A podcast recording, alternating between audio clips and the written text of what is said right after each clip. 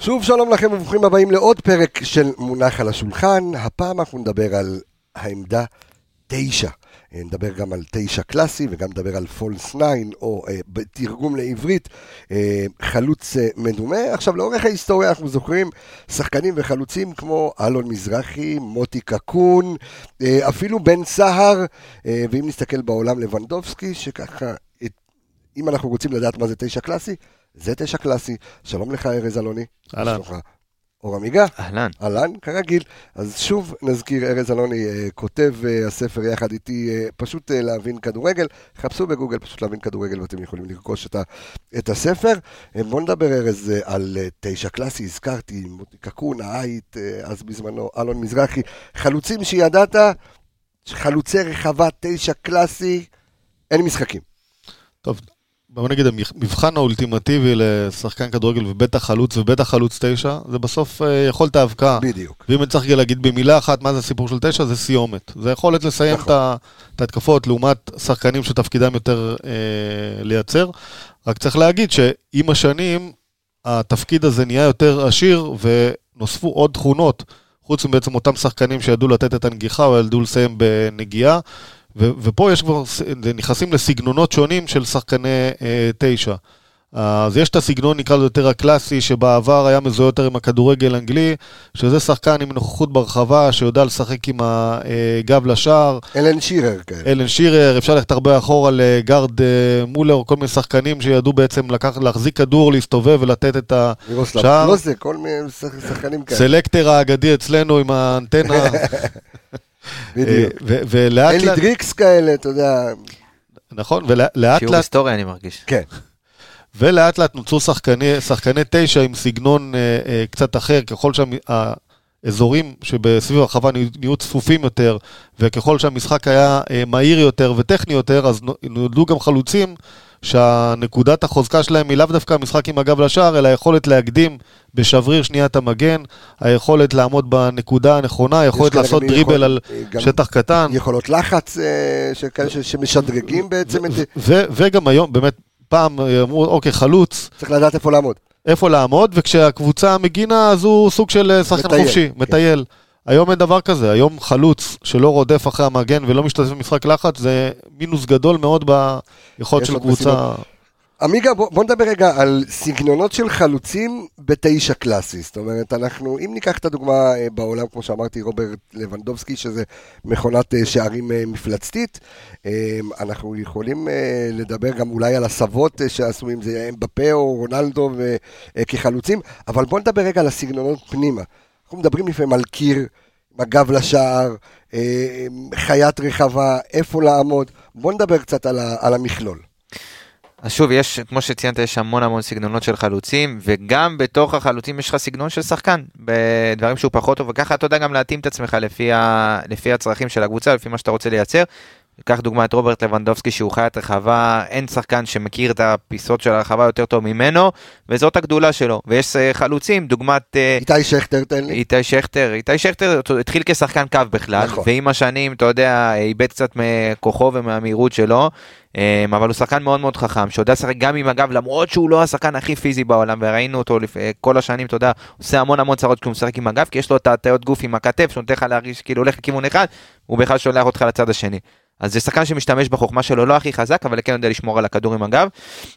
ויש את החלוצים שיודעים לצאת עם הפנים ולייצר שטח לקיצוניים אה, שייכנסו לשטח, שזה בעצם הפולס 9. אה, ויש המון המון דוגמאות שגם הם, הפולס 9. שגם הם כביכול, אתה אומר, בואנה זה תשע, ארי קיין, קרים בן זמה, נכון. אז אתה אומר, טוב, זה תשע, אבל זה לא באמת תשע. האם אנחנו יכולים גם, אם אנחנו מסתכלים על זה, ואנחנו מסתכלים על המערכים שקבוצה משחקת, אוקיי? עכשיו אני אקח דוגמה קלאסית של מכבי חיפה אה, שנת אה, 2009-10, אוקיי? שמשחקת ב-4-4-2, משחקת עם אה, שני חלוצים, עם אה, דבלישווילי ועם ארבטמן. ואנחנו רואים שחקן אחד שנותן קצת יותר, אה, לוקח עליו את ההגנה ומשחרר יותר את, ה, את, ה, את החלוץ השני.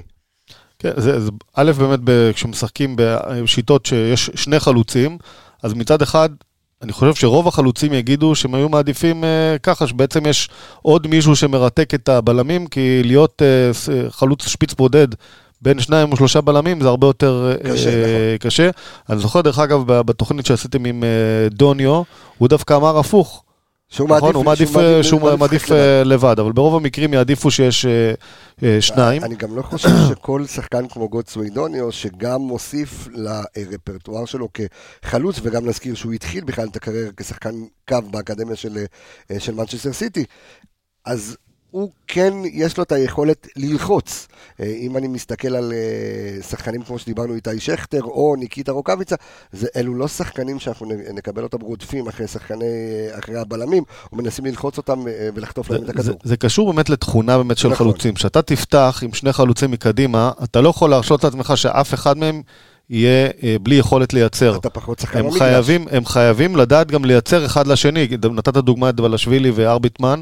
דבלשווילי ידע לקחת כדור וגם לייצר לארביטמן את המצבים. נכון. ומצד שני, כשאתה משחק עם שפיץ, אה, נקרא לזה, נדבר על, נגיד למשל על מערך 4-3-3, שיש לך שני שחקני כנף ואחד בשפיץ, אז אתה יכול להרשות לעצמך שהשחקן שפיץ יהיה פחות שחקן שמייצר.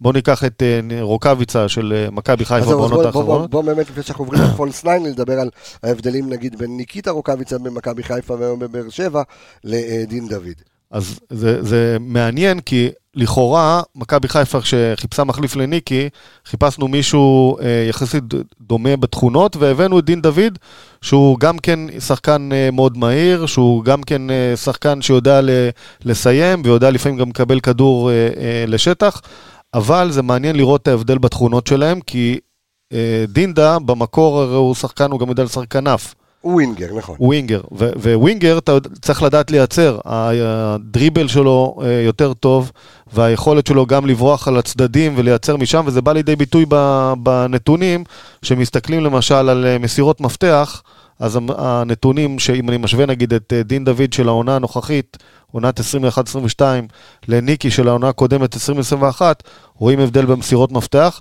למרות שבסיומת עצמה ניקי היה אחד הגדולים וקשה מאוד להגיע אה, אנחנו- למספרים אנחנו שלו. נמצאים ממש בתחילתו של, אה, בנקודת זמן, בתחילתו של הפלייאוף של 21-22, אי אפשר לדעת שיכול להיות שדין דוד יסיים עם יותר שערים ממה שסיים ניקיטה רוקאביצה אה, במכבי חיפה. אבל אם נסתכל פר משחקים נגיד, אה, בעונה בעונת 21-22 ניקי שיחק אה, 19 משחקים, כי הוא היה גם פצוע, חלק 21, מהעונה. כן.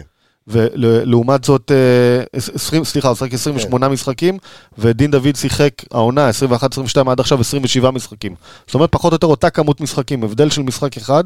מבחינת השערים, ניקי עם 19 בשלב הזה, בכל העונה, ודין דוד כרגע עם 15, הלוואי שזה עוד ישתנה. שזה, שזה ישתנה, בוא נעבור, אה, אור, אה, בוא נדבר עכשיו אה, על פולס 9, והאם שחקן שהוא תשע מדומה, ויש, אה, בוא ניקח אה, אה, שתי דוגמאות אה, גדולות, אם זה אה, ליאונל מסי אה, ובובי פירמינו, רוברטו, פיר, אה, רוברט פירמינו מליברפול, האם זה מצריך שחקן שיציבו אותו בעמדת התשע המדומה, ותכף גם תרחיב לי על העמדה, אה, עם יכולת טכנית גבוהה יותר מאשר תשע קלאסי. קודם, לשאלתך, נתחיל לשאלתי. התחתונה, כן. אמ, אבל אני חושב שמסי, כולם זוכרים את הפולס 9 שלו בגלל משחק מאוד מאוד מפורסם, שאגב, סיפור מאחורי המשחק הזה הוא מדהים, כי זה יום לפני המשחק, יש סרט על מטורף על? על הסופר קלאסיקו, 6-2, כן. אה, בברנלאו, אה, שלאו מסי חגג שם על, אה, בכוונה אמרתי ברנלאו, כי זה המגרש אימונים שלו. אה, אוקיי. כן, אז uh, יום לפני המשחק יש uh, סרט מדהים על הקלאסיקו הזה ועל התקופה של גוורדיולה בברצלונה. Uh, יום לפני המשחק פפ גוורדיולה קורא למסי אליו לחדר והוא מראה לו בווידאו בעצם את התפקיד, את הפולס 9, מה הוא רוצה שהוא יעשה במשחק הקרוב, כי הוא ידע שהבלמים של ריאל מדריד יצאו איתו לכל שטח שהוא, אם הוא ישחק כפולס 9, הוא ידע שהבלמים יצאו איתו לכל אזור. כי זאת הייתה תהיה ההוראה. הוא יצא מנקודת הנחה, מסתבר שזה גם הצליח. ומה הוא עשה? הוא לקח את סמואל אתו וטיירי אנרי, שהם הרבה יותר, בוא נגיד תשע, סמואל אתו זה היה תשע, נכון. יותר ממסי, הוא שם אותם בצדדים, ובעצם עיקר התנועה שלהם הייתה בגב של כל פעם שמסי יצא ולקח איתו בלם, אז כל פעם התנועה שלהם הייתה אלכסונית בין הבלם למגן, שטחים. אה, אפשר למכור שם דונמים להשכרה, וזה הצליח, ותסתכל על השערים אחד אחד, זה בתנועה של מסי החוצה, ובעצם הגול שהוא הקפיץ את טיירי אנרי מעל, הגב, מעל הראש של הבלמים, אז שוב, זה, זה היה באמת אה, שלמותו, אחר כך היה לזה עוד אה, אחרי כמה שנים, היה את ספרד, שלקחה לדעתי את היורו ושיחקה בלי חלוץ בכלל, לדעתי כל הטורניר. שיחקה עם ססק פברגס, פברגס. פברגס שיחק את הפולס 9, הם שיחקו עם שישה קשרים, ולקחו ופירקו את איטליה גם בגמר 3-0, וכל הטורניר, אתה יודע, יש הרבה ביקורות על זה שלא משחקים עם חלוץ טבעי, אבל אם אתה יכול להשיג דברים אחרים, ולייצר לעצמך יותר הזדמנויות עם שחקנים שהם, אולי הפסיומת שלהם היא יותר לוקה בחסר, אבל אתה מייצר יותר הזדמנויות ונכנס לאזורים יותר מסוכנים, אז אה, השגת אז את אז שלך. הפולס צריך להגיד זה המצאה ספרדית, אני מבין. קודם כל, אה, אה, פפ, אה, כבוד, כבודו במקומו מונח, אבל צריך להגיד שזה שילוב מבריק בין ניצול של תבנית משחק ושיטת משחק. נכון. למה בעצם? דיברנו בתבניות משחק על זה שאתה רוצה ליצור תבניות שיפנו לך שטחים ולהכניס שחקנים פנימה, וזה קורה, מה שנקרא, לפעמים באזורים שונים במגרש. הסיפור של ה-False 9 זה ממש לקחת את זה לאזור הצפוף של ההתקפה, ולשים מראש שחקן שבתכונות שלו אתה אומר, אתה מוותר על כל הדברים האחרים. אתה אומר, אני לא רוצה שיעלה לי כדורי גובה, ואני לא רוצה שיעבור לי שחקנים על שטח קטן עכשיו בתוך הרחבה. אני רוצה שהוא בתנועה חכמה אה, ימשוך את הבלמים החוצה, אבל אני רוצה שכשהוא יוצא החוצה, זה יהיה שחקן שמסוגל גם לייצר. ולכן מסי מקבל את הכדור באזורים כאלה, ומסוגל עכשיו לייצר או כדורים חכמים לאגפים, או כדורי עומק לשחקנים שנכנסים פנימה, ובעצם יוצר ואקום במקום שממנו יצא, ולכן זה ה-Falls 9 מה שנקרא, כי אין פה בעצם תשע, ולאותו שטח נכנסים אה, שחקנים אחרים. בוא נדבר על. פירמינו. או, אז פירמינו זה הדוגמה אולי הכי עכשווית שהיא ממש, אתה יודע, גם מובהקת, כי אנחנו יודעים שבובי פירמינו הוא חלוץ פולס 9, לא, יש עוד המון דוגמאות, אבל כן. הן לא מובהקות פולס 9, כי זה לא התבנית, אבל אה, אז בובי פירמינו, מה שהוא הגיע ל... בוא נגיד מה שהוא הגיע לליברפול, ניקח אה, מעונת 2017-2018, אז אה, הוא עם 20 בישולים בעונת 2017-2018, עונה לאחר מכן 10 בישולים, 15 ועוד פעם 10, אז שוב, הוא מנצל, וגם בוא נדבר על הקיצוניים. כחלוץ. נדבר על הקיצוניים, שזה סאלח ומאנה, שיכולים לתת לך את ה... אה, שהם קיצונים ארדקור שנכנסים עם המהירות, עם העוצמה, יכולים להיכנס גם עם הכדור ברגל, גם עם, ה... גם עם תנועה לשטח.